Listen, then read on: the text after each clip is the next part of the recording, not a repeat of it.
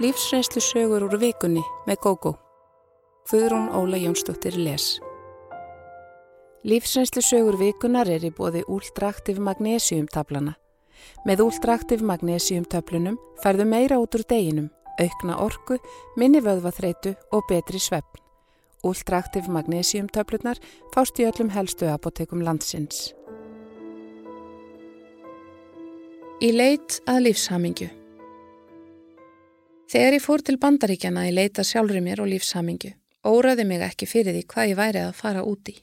Ég varð sannarlega reynslinu ríkari á eftir. Ég var enn mjög döpur eftir skilnað við mannin minn til 15 ára þegar ég dreif mig á spennandi námskeið sem bandarískur maður hjælt. Á þessum tíma var mikil andleg vakning í þjóðfélaginu og þetta námskeið vakti áhuga minn. Svo mikinn að ég pantaði rándýran enga tíma hjá manninum. Eitt hvað í tali hans fekk mér til að trúa því að ég gæti náð miklum styrk og innri hamingu ef ég færi eftir ráðum hans. Í enga tímanum sagðan mér frá samfélagi út í bandaríkunum. Þar byggi fólk sem vildi bæta lífsitt. Hann hefði átt þáttiði á sínum tíma að byggja samfélagið upp og þar veri unnið eftir kenningum sem hann, á samt fleirum, hefði skapað. Dvölinn þar væri vissulega dýr en ekki væri hægt að setja vermiða á líðan okkar. Kostnaðurinn á mánuði var eins og tvöföld mánadarlega á tveggjaherbyrkja íbúða á þessum tíma. Ég átti peninga og sagðunum það. Hann lofaði að hjálpa mér við að komast í þetta samfélag. Við hjónin höfðum átt rathús sem við seldum og fyrir minn hlut gæti ég keift ágæta blokkar íbúða á góðum staði Reykjavík. Ég átti nokkurt fíi inn á bankabók líka. Við höfðum reykið saman fyrirtæki og hann borgaði mig rausnarlega út úr því. Líklega var hann með samviskupið vegna framhjóhalsins sem hafi valdi skilnaðinum. Ég var frí og frjáls, áttu peninga og var ekki þörst í vinnu. Það var ekki eitt, heldur allt sem rak mig af stað í þetta æventýri. Hálfu mánuði setna var ég komin til bandaríkjana. Mér hefði tekist að leia út íbúðina mína með húsgögnum og leigutímin var hálft ár, jafnlangur tími og ég ætlaði að dvelja ytra. Ég sló að vísu þann varnagla við mömmu að ef mér líkaði ekki vistin myndi ég koma aftur heim og fengi að búa hjá henni þar til ípúðin mér losnaði. Mömmu leist ekkit á þetta og heldur ekki vinkonu mínum. Besta vinkonu mín sagði einfallega að þetta væri sértrúasöfnuður. Ég ætti að passa mig. Það voru mikil viðbreyði fyrir mig að búa í herbergi með fimm öðrum konum en það var bara hluti af ævintýrunu. Allir þurftu að vinna, elda mat og þrýfa en það var sagt vera hluti af leiðinni til hamingju. Eftir hátegi hófst svo andlega vinnan sem stóði nokkra klukkutíma. Hún var fólkinni því að hugleiða og annaði í þeim dúr og stundum var okkur skipti grúpur sem fenguð ímisverkefni. Við hittum Alex, stjórnandan, á engafundum af og til. Við áttum að setja allt okkar tröst hvert á annað og máttum engu halda lindu. Það var mikið grátið og mikið öskrað. Mér fannst ég stundum vera að klikkast en þetta vandist þó ótrúlega rætt eins og allt annað þarna. Þessi söpnuður, eða samfélag, byggðist upp á bæði nýjaldarkenningum og hefðbundum trúarbröðum. Alex var mikill leittói, sterkur personuleiki sem átti mjög auðvelt með að stjórna líðan okkar, ekki síst eftir að vera búin að brjóta okkur nýður og fá að heyra einstu lindarmál okkar. Þótt andleg líðan mín er þið betri með hverju vikunni, var það ekki engungu honum að þakka. Ég held að góða fólki sem bjóð þarna hafi átt meiri þáttið í en hann því við byggðum hvert annað upp, eitthvað sem hann gerði ekki. Algjört niðurbrott var meira hans deilt og notað eins og stjórntæki.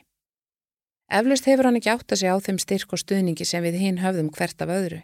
Vissulega letu hann og konan hans, sem stjórnaði líka, okkur skipta nokkuð oft um herbergi. Ástæðan sem þau gáðu upp var svo að okkur ætti að þykja jafnvæntum alla og tengjast öllum vel. Við mættum ekki vera of náinn fáum einstaklingum í þessari sjálfsvinnu okkar og við gleiftum við þessari skýringu. Húsið var staðsett í útkverfi nokkuð stórar borgar og stóðsfólitið afsýðis. Mér skildist að Alex hefði erft það og auk þess mikið fjö. Hann lít draum sinnum að stopna samfélag rætast í kjölfarið. Ég efast ekki um að tilgangur hans hafi verið góður í fyrstu. Það var aldrei skortur af fólki sem vildi finna sjálfsig þarna en aðeins fólk sem áttu peninga var bóðið velkomið. Þótt við borguðum öll háar fjárhæðir fyrir að búa þarna mörg saman í herbergjum, ræktuðum og elduðum sjálf hreina matin sem við borðuðum og sæjum um öll þrif, virtist sífelt skorta fjö. Á fundi eitt kvöldið bað Alex okkur að koma með hugmyndir af fjáröflun fyrir samfélagið. Ímsar hugmyndir komu fram og úrvarð að við tókum að okkur þrefi fyrirtækjum í grendinni. Fæst okkar höfðum atvinnuleifi ytra en það virtist vera í lægi þar sem launin fórukvortið er öll til samfélagsins. Ég hafði vissulega gott að verinu þarna en þó byrjuðu að ringja ímsar viðvörunarbjöllur eftir því sem leið á tvölina. Orðin sem Alex notaði í vinnu sinni með okkur fóruð að hljóma klísjukjent og mér fannst ég greina falskan hljómiði. Hluti af sjálfsvinnunni þarna var að sína algjöra hreinskilni og ég var orðin góðið í, líka þegar Alex var annars vegar. Ég var komin með svo sterkan skráp að það var ekki lengur hægt að brjóta mig niður. Það virtist ángra Alex sem fór að ganga ansi langt í þeim tilgangi og reyndi að fá aðra í lið með sér til þess, vini mína í samfélaginu.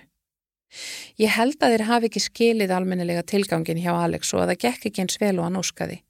Hann sagði meðal annars við mig að djöfullin hefði tekið sér bólfestu í mér. Samfélagið var byggt þannig upp að allir áttu að segja allt við alla í reynskilni. Það var mjög skrítin og erfið upplifun þegar Alex fór að rapa í áliti hjá mér. Ég hafði dýrkaðan og dáð. Hann var nánast í guðatölu hjá mér fyrst í stað. Alex brosti sínu kærleiksríka brosi áfram en ég fann frá honum kræmandi pyrring út í mig. Eitt daginn var ég kölluð á fund með honum og konu hans. Þau tilkynntu mér að ég stráði eitri úti í litla samfélagi þeirra og yrði að fara. Þau voru búin að panta fyrir mig farmiða, brottfyrrdaginn eftir takk fyrir.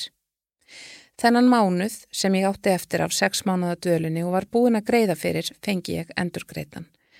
Alex saðist vera leiður yfir þessu, ég hefði verið efnilegi byrjun en neikvæðnin hefði sigrað, því miður og djöfullin. Ég pakkaði niður eigum mínum í algjöru sjokki. Þess var gætt að ég fengi ekki að vera í einrúmi með neinum og það var erfitt. Mér langaði að hverja bestu vini mína úr hópnum og segja þeim ástæðana fyrir brottfyrir minni.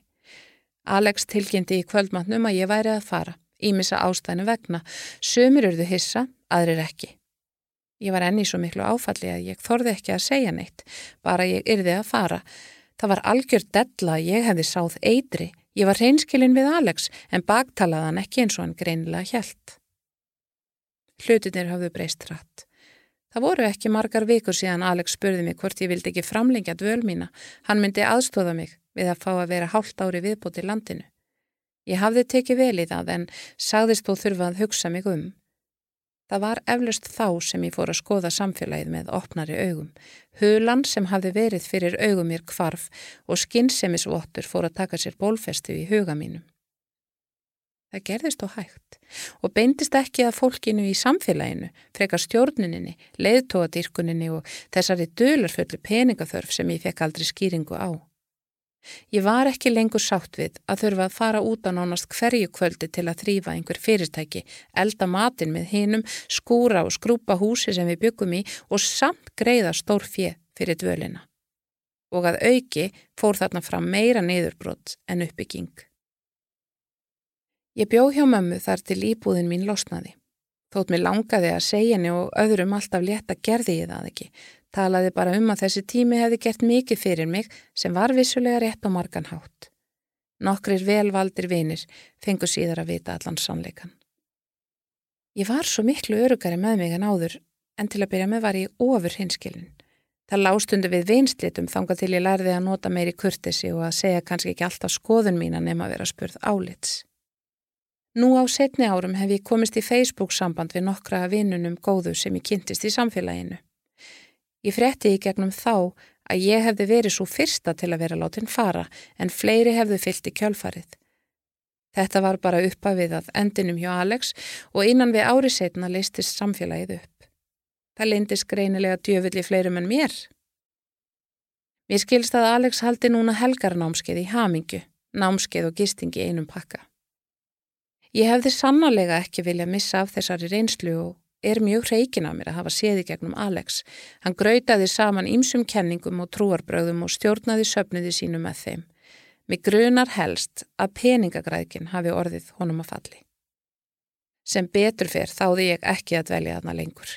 Ein vinkona mín úr hópnum gerði það og komst svo að við brottfur að hún hafði dvalið ólöglega í landinu. Alex hafði sagt henni að hann hefði fengið vararleifi hennar framlengt en það var ekki rétt og hún má aldrei koma aftur til bandaríkjana. Ég lærði af þessu öllu að ég á að treysta á sjálfa mig, ekki setja allt mitt tröst á sjarmirandi fólk með jésublæti á háustígi eins og Alex. Nó er til af samfærandi fólki í heiminum sem vil stjórna lífi annara en slíkar manngerðir ætti maður að forðast með öllum ráðum, sama hversu fallega þær tala.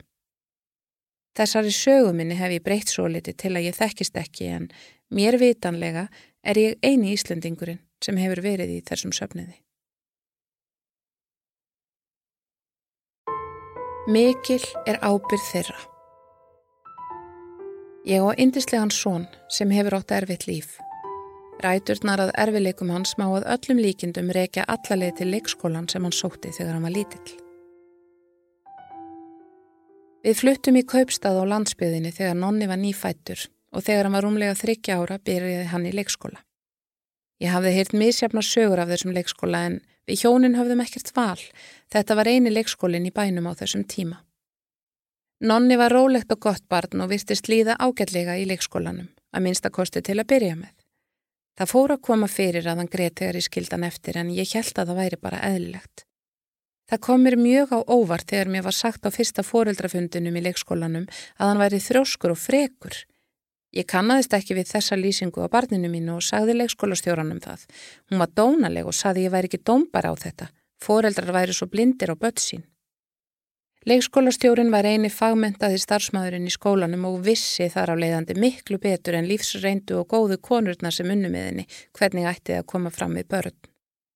Mér skilstaðar hafi aldrei þórað að mótmælinni, þóttum fyndist hún stundum skammabörnin mikill. Nonni varð oft fyrir skömmum hennar og sagði mig stundum að hún væri vond. Mér grunaði aldrei hversu vond hún var. Ef henni fannst börnin óþæg, skammaði hún þau þar til þau fóruð að gráta. Þá var eins og hún hefði sigraðu. Það var ekki inn í myndinni hjá hennar en að tala þau til. Nonni var oft kvefaður og stundum lágu grænir hort taumar og nefi hans Það þótti leikskólastjóranum frekar ógeðfelt. Í þau fáskipti sem hún snýtt honum gerði hún það harkalega og sagði að þetta væri ógeðslegt, að hann væri ógeðslegur. Hún hafði ekki svona stór orðum önnur börn sem hún snýtti. Ég komst það því síðar. Ef nonni reyndi að forða sér undan henni varð hún reið og sagði hann óþægan og leiðinlegan.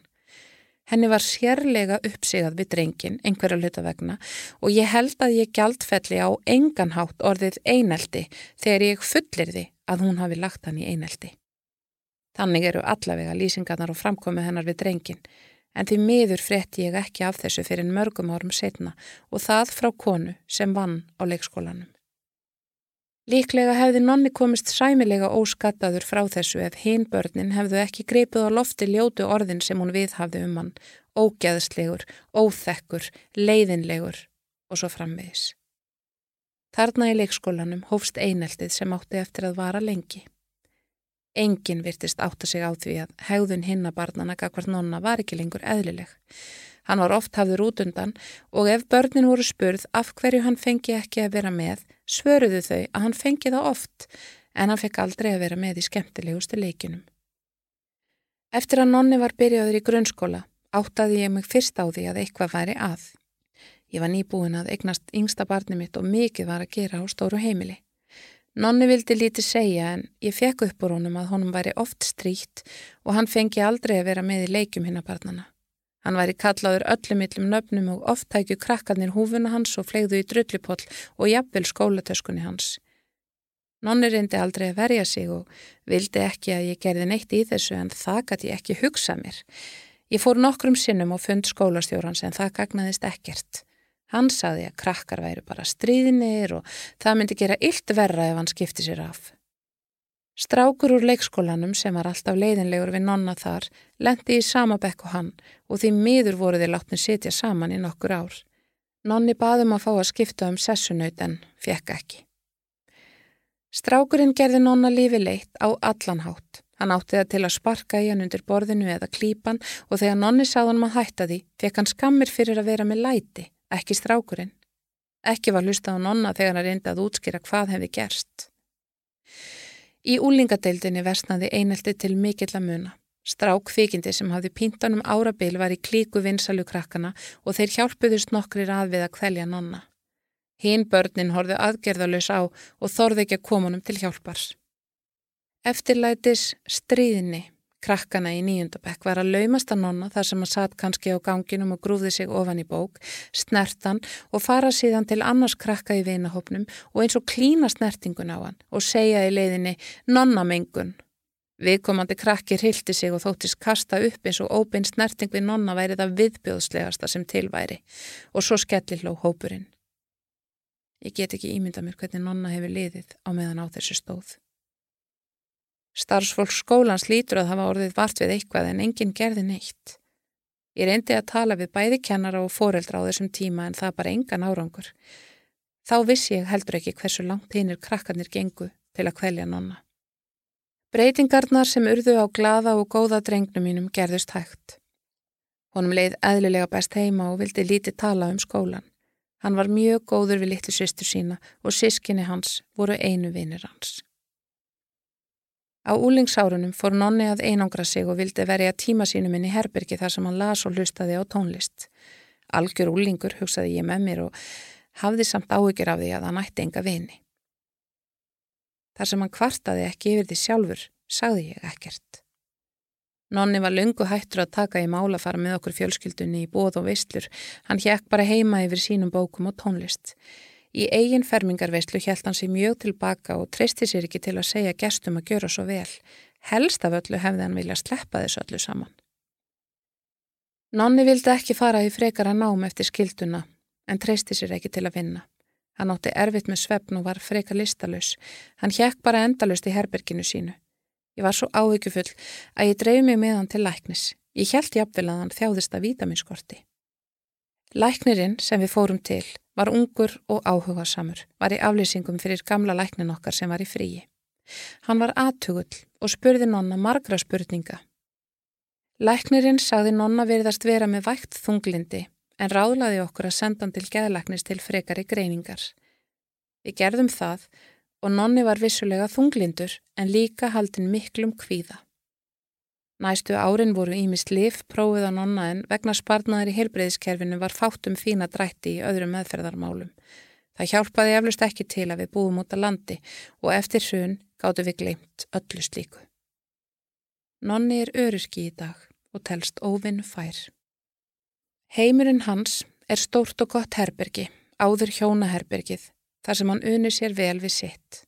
Hann fyrir sjaldan út fyrir húsins styr en segist vera sáttur við tilveruna. Tölvu áhugi kviknaði hjá honum þegar við pappans gáum honum tölvu í fermingargjöfin. Hann notar hann þó aðalega til að horfa á kvikmyndir og hlusta á tónlist. Hann les alltaf jafn mikið og unir sér best með góða bók í hönd.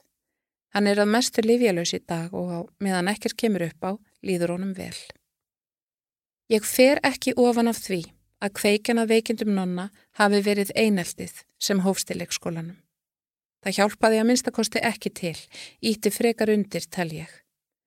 Þegar einhver farað heyra á nánast hverjum degi í mörg ár að hann sé ógeðslegur og leiðinlegur hefur það óhjákvæmilega mikil áhrif og eitthvað þarf undan að láta.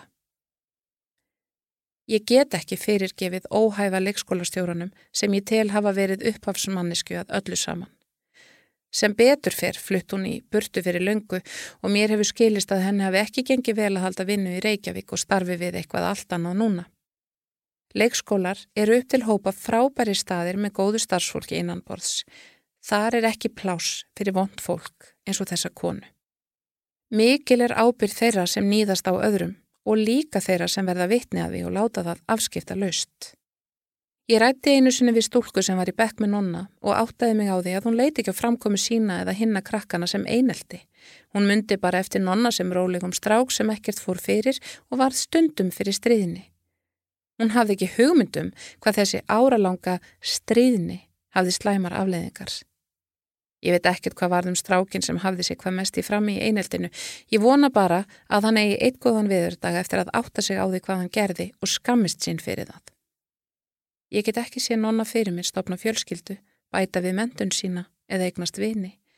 Hann er lungu hættur að treysta sér til að umgangast ókunnuga en virðist hafa mikið samur á sinn hátt. Á meðan svo er ætla ég ekki að hafa áhyggjur. Framtíðin er langt í burtu og ímislegt gott getur gerst í millitíðinni.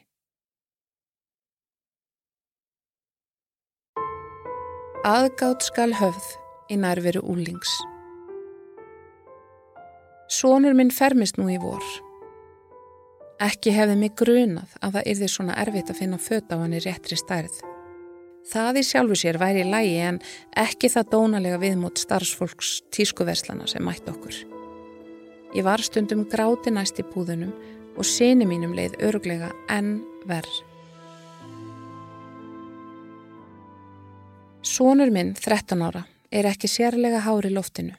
Frá fæðingu hefur hann verið rétt undir meðalagi og er enn minnstur í vinahópnum sínum. Það á eftir að topna úr honum á næstu tveimur árum, veit ég, og hann er samanlega ekki óeðlilega lágvaksinn. Bróður minn var langminnstur fermingabræðra sinna á sínum tíma og tók vakstarkipin sinn þegar hann var að verða 16 ára og er núna tæplega 1.80 á hæð. Hann var svipað hár á fermingadaginn sinn og sónu minn er núna en ég held að mamma hafði ekki lendið inn einum vandraðum þegar hún kefti á hann fermingarfötin. Ég vildi að ég geti sagt þið sama. Leitin að fermingarfötum á sónminn hefur verið sannkvöldu þraut að ganga og ég hef alla tölu á þeim búðum þar sem við höfum mætt dónalegu viðmóti. Að finna fötistærð sónar míns hefur verið seint útsagt algjör martröð og ekki síst viðbröð starfsfólks við hæð hans. Ég trúi því alls ekki að við séum þau einu í þessum spórum því algengt er að drengir taki vaksta kipsinn út setna en stúlkur. Fyrir nokkru mánuðum fórum við mækininn í fataleiðangur. Ég vildi vera á góðum tíma því ég er ekki típan sem gerir allt á síðustu stundu. Það er líka mikilvægt að krakkar séu ánaður með fermingafötin sín og því mikilvægt að leita þar til þau réttu finnast. Fermingamyndirnar lifa lengi með okkur og því um að gera að vera ánaður með sig á allan hátt. Við þrættum allar unlingabúðirnar í kringlunni og smáralind. Þar eru jú búðirnar þar sem vinir hans og sama aldrei kaupa sér fötin. Okkur til mikillar fyrðu fundum við ekkert sem passaði á hann. Mikill meiri hluti starfsmanna þessara vestlana síndu okkur einstaklega leiðinlega framkomu. Eins og sónur minn vissi ekki sjálfur að hann væri lágvaksinn var eins og starfsmunum búðana fyndist nöðsinn að bendunum á það um leið og þeir sögðu að ekkert væri til sem passaði á hann. Mér er sérstaklega minnistæður eitt starfsmæðurinn sem gekk með okkur um alla búð og sagði við mig með reglulegu millibili Nei, við eigum ekkert svona lítið eins og hann eða Já, nei, ekkert svona lítið eða Þetta er það minnsta sem við eigum og ég held að ekki einu sinni það passa á hann. Starfsfólki talaði sjálfnast við sónminn heldur um hann við mig sem gerði niðurlæginguna meiri. Strákurinn minn var í algjöru uppnámi eftir þennan vægast sagt ömurlega vestlunaleiðangur og sagðist hata hvernig það leti út, hata að vera svona lágvaksinn.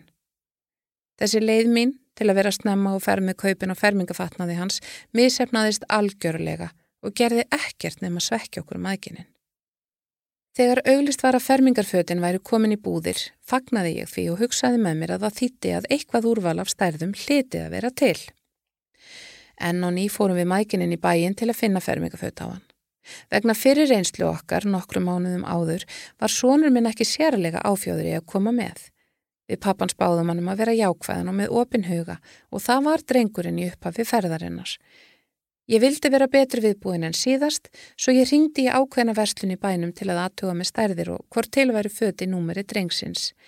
Starfsmöðurinn sem svaraði síman saði mér að verslunin væri með lagarsölu á öðrum stað þar sem góðan afslátt væri að fá og það væri potti til föttari þeirri starf sem ég spurði um. Við fórum með drengin beint af þessa lagarsölu og vorum heldur betur bjart sín. Að fá fötir í ettri stærð og þar að þau ekki á góðu verði hljómaði vel. Þegar við komum inn í búðina kom starfsmöður til okkar og bauð fram aðstóð sína. Við sögðumst vera að leita að fermingafötum. Starfsmaðurinn leit á drengin, mældan út með augunum og sagði svo Við eigum ekkert svona lítið eins og að hann. Ég var þessa. Spurði hvort hann væri vist því ég hefði ringt á undan mér, talað við starfsmann og spurst fyrir um þetta áður en ég kom. Mér hefði verið sagt að til væri fötið þessu númeri. Þá barað annan starfsmann og þeir töluðu eitthvað saman. Setni ágriðslumadurinn mældi drengin út með augunum eins og svo fyrri og sagði Hann er mjög grannur, það hefur bara engin svona grannur komið yngað inn. Áður en hann gæti haldið áfram, stoppaði hann af og saði fyrirgefið en ég bara verða að segja að mér finnst þið báðir mjög dónalegir. Þetta sem þið eruð að segja er mjög særandi. Svona segjum áður ekki við neitt, samakvort hans er lítill, stór, feitur eða hvað. Hvernig væri að segja, ég skal sjá hvað við eigum til og gefa honum sjans á að komast sjálfur að því hvort eitthvað passi á hann eða ekki. Munum að aðgátt skal höfð í nærveru sálar. Því næst letu við okkur hverfa út, ekki sátt við framkomuna við okkur. Við gáðumst samt ekki upp og leitin helt áfram.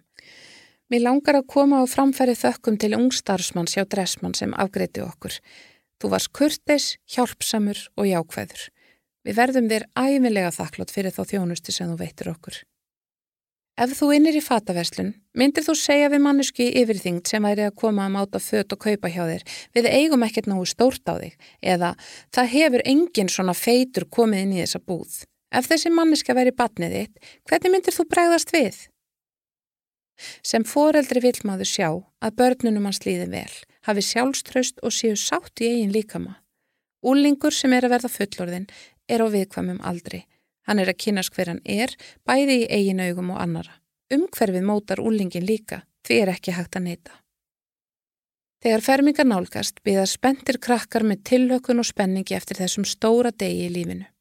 Þó að þetta sé kannski ekki mikið tiltökumáli í aukum flestra foreldra er þetta stór dagur fyrir krakkana. Þau er ekki lengur börn, heldur teljast í fullorðina manna tölu og því ber að fagna. Úlingurinn minn, litla batni mitt, er að fara að fermast og verða fullorðin. Mér langaði að vekja aðtegla á þessu af því að það er mjög mikilvægt hvernig við komum fram við aðra. Búðarferðirnar okkar í aðdraganda fermingana hafa reynd út sagt valdið okkur báðum miklum kvíða og ég hef gengið með tárvotan són minn út úr verslun vegna framkomi starfsólks við hann. Að lokum langar mig að segja að strákurinn minn er nú komin með fermingarföt sem hann er ánaður með. Við fundum allt í þremur búðum en fötinn passa samt mjög vel og hann tekur sig vel út í þeim. Mér langar til að miðla þessari sögu sérstaklega með verslunareigandum og byggja þá um að skoða þessi mál vel og vonandi bæta úr. Það á engin að þurfa að fara með tárin í augunum út frá nokkur í verslun vegna dónalegrar framkomu afgreyslu fólks.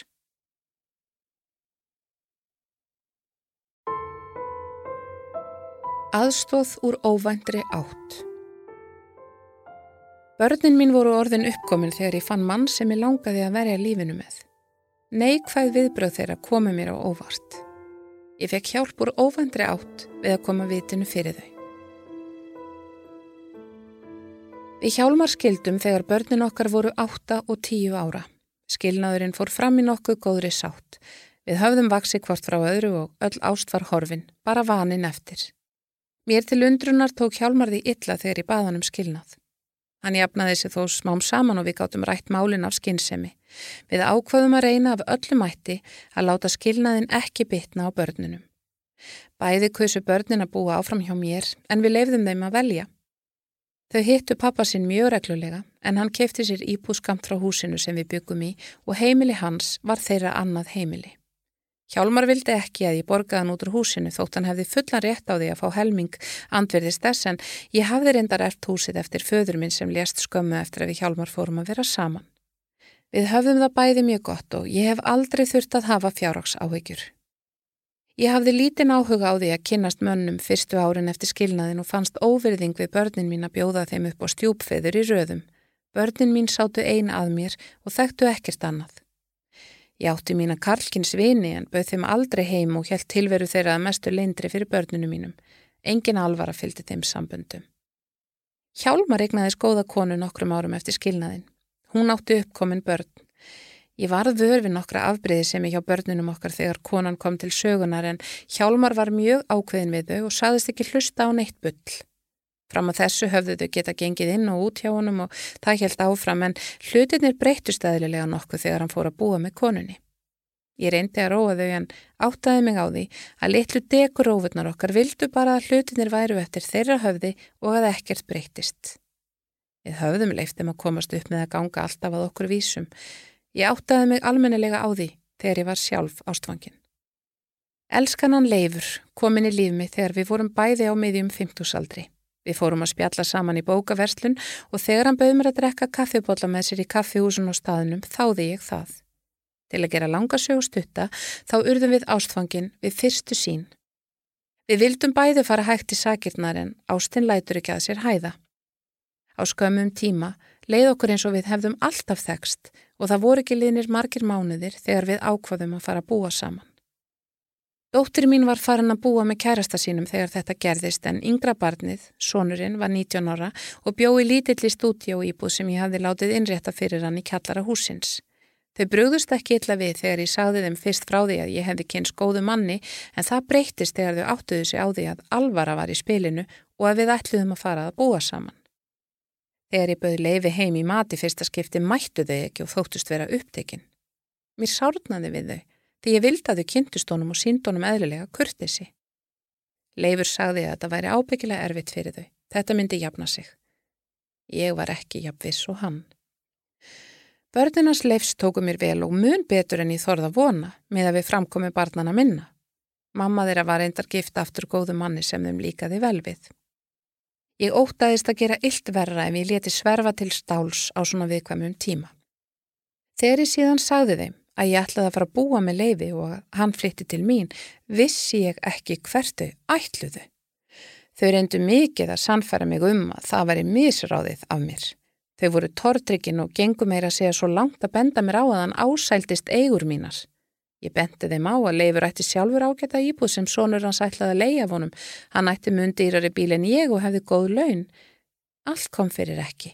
Þau heldu áfram að vera tortrykkin. Börnin mín höguðu sér eins og spiltir dekurkrakkar sem þau voru vissulega. Ég sá þau í alveg nýjuljósi. Þau höfðu alltaf verið einstaklega ljúf og góð en það var greinilega vegna þess að þau fenguð alltaf allt sem þau vildu. Þeim fannst þetta ógna tilveru sinni og bröðust við af eigingirni. Leifur flutti til mín þrátt fyrir allt og hamingi okkar var mikil frá fyrstu stundu. Aðeins eitt skugga bara á og það var framkoma barnana minna. Þegar strákurinn kom upp til að borða, passaði hann sig á því að gera það ekki á sama tíma og við. Ef maður rakst á leiflétan yfirleitt sem hann sæja hann ekki. Dóttur mín hafði verið dögleg við að koma í mat til mín og bjóða mér í mat en nú hætti hún að koma nefn hún væri vissum að leifur væri að heiman. Hún reyndi nokkrum sinnum að bjóða mér einni í matin, ég þáði það ekki. Ég sáði fyrir rest að leifur væri maðurinn minn og að annarkvort byðu nokkur báðum eða kvorugu.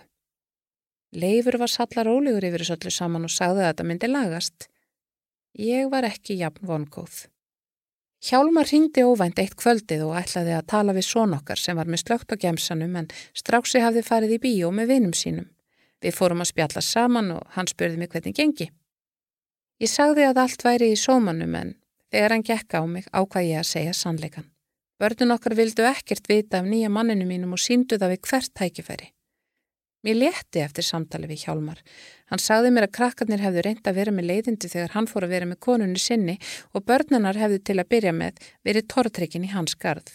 En allt væri komið í gott lag núna og vonandi gerðist það líka í mínu tilfelli. Ástandi breytist hægt og rólega þegar sambúð okkar lefs hafi varaði um ár. Það glatti mig mikið en ég vissi ekki fyrir en löngu setna að ég hafði fengið góða hjálpur óvendri átt frá fyrfirandi eiginmannu mínum. Hann ákvað að ræða þessi mál við börnin okkar og tók vist ekki á þeim en einum silkihönskum. Þótt hlutinir hefðu lagast fann ég að börnin hefðu nokkrar áhyggjur af eigum mínum eða tilvunandi arfið þeirra og ég áttaði mig á því að þau litu á allt mitt sem sitt. Þau spurðu mig, reynda skömmu eftir að við leifur fórum að búa saman, hvað gerðist ef ég dægi skindilega? Hvort leifur erfði eigur mínar? Það fög yllilega í mig og ég sagði að þau væri lög erfingar mínir. Við leifur værum ekki gift og það væri ekkert á döfinni. Börn Leifs væri lög erfingar hans og fengju allt eftir hans dag. Þetta væri samt okkar eigur og við getum gert það sem við vildum við þar, selt allt og lagst í ferðalög ef okkur síndist svo. Mikið sárnaði mér en ég komst að því fljótlega að þetta er ekkert einstæmi. Fyrirverandi konarnas leifs misti mannin sinn snöglega og það var ekki liðin veika frá útförinni þegar börn hans, yngsta innan við tvítugt, mættu heimtilekkunar og tóku þann hluti sem höfðu verið í eigu föður þeirra. Þau tóku kannski ekki í húsgögn en völdu sér muni sem hann átti. Strákurinn hans tók til dæmis úr föður síns og hefur gengið með það síðan. Ekki hann let þetta yfir sig ganga til að halda friðin og sagði að þeim væri að sjálfsögðu velkomið að fá hlutina hans. Velkomið, sagði þó eitt barnið, við eigum rétt á því. Börninans hefðu fengið þessa hluti ef þau hefðu beðið um þá en fannst greinilega óþarfið að sína sjálfsada kurtisi. Ég þekki nú ekki vel löginum óskipt bú en mig grunar að þessir krakkar séu hverginari hættir. Pappið er átti helmingin í íbúðin á móti konunni og spurning hvort hún komist upp með að sitja í óskipti búi. Samband okkar leifs er indislegt. Við erum skráðið í sambúð en gifting hefur ekki komið til tals. Kanski spilar inn í hvernig börnum mín hafa látið en ég minnist þess ekki að hafa litið á eigur móður minna sem mínar eigin á meðan hún lifði eins og þau virða að skera. Ég vissi til dæmis að mamma laumaði oft einhverju að ungu konunni sem leiði í kjallarannum hjá hennu og þreyveitning fyrir hana. Hún gaf konunni alltaf væna peninga upp að í jólagjöf sem ég fannst fallega gert. Mamma var með fullu viti og sjálfraða einstaklingur. Hún var alltaf örlátt og börnin mín fenguð að njóta þess. Unga konan er útlensk og einstað móðir að auki og gekk illa að sjá sér og dóttur sinni farborða. Ég fór oft í búðir fyrir mömmu en eftir að þessi kona kom til sögunar tók hún við við hlutverki. Konan kefti ekki bara inn fyrir mömmu og þreif fyrir hana, heldur snerist fyrir hana á allan hátt og eldaði oft matinn fyrir hana og með því móti fannst konunni hún líklega geta þegið eitthvað frá mömmu. Ég hitti þessa konu nokkrum sinnum og vissi að hún misnótaði ekki góðvild mömmu, henni þótti væntum hana og það var gagkvæmt. Eftir lát mömmu legði ég út hæðina sem hún hafði búið í en útlenda konan sem reyndist mömmu svo vel býr enni kjallara í búðinni og borgar sömulegu og áður. Það er mín leið til að sína henni þakklæti fyrir öll elskuleg heitin við mömmu. Leifur er í fínu sambandi við fyrirverandi konu sína og var henni mikill stuðningur í erfileikum hennar. Stjúbörn hennar voru ekki leiðileg við nýju konun á meðan pappið þeirra var á lífi en síndu henni aðra og veri hlið á sér eftir að hann lést. Það hefur gert henni sorgarferðlið mun erfiðara. Vissulega eru dæmi þess að eftirlifandi maki taki eignur út úr dánabúinu til að gefa eigin börnum og svo þegar kemur til skiptana er lítið eftir fyrir lögarvingjana. Þetta eru alltaf erfið mál og ég ætla að gæta þess að hafa alla hluti á hreinu varðandi mig og börnin mín. Þau verðast neyksluð á framkomi fólksins skakva stjúpu sinni sem gerir mig vonbetri um að leifur lendi ekki í sömu leiðindum ef ég hveð þennan heim á undan Þú varst að hlusta á lífsreynslusögur úr vikunni með GóGó í lestri Guðrúnar Óli Jónsdóttur og framleiðslu Storysight árið 2020. Höfundaréttur Vikam.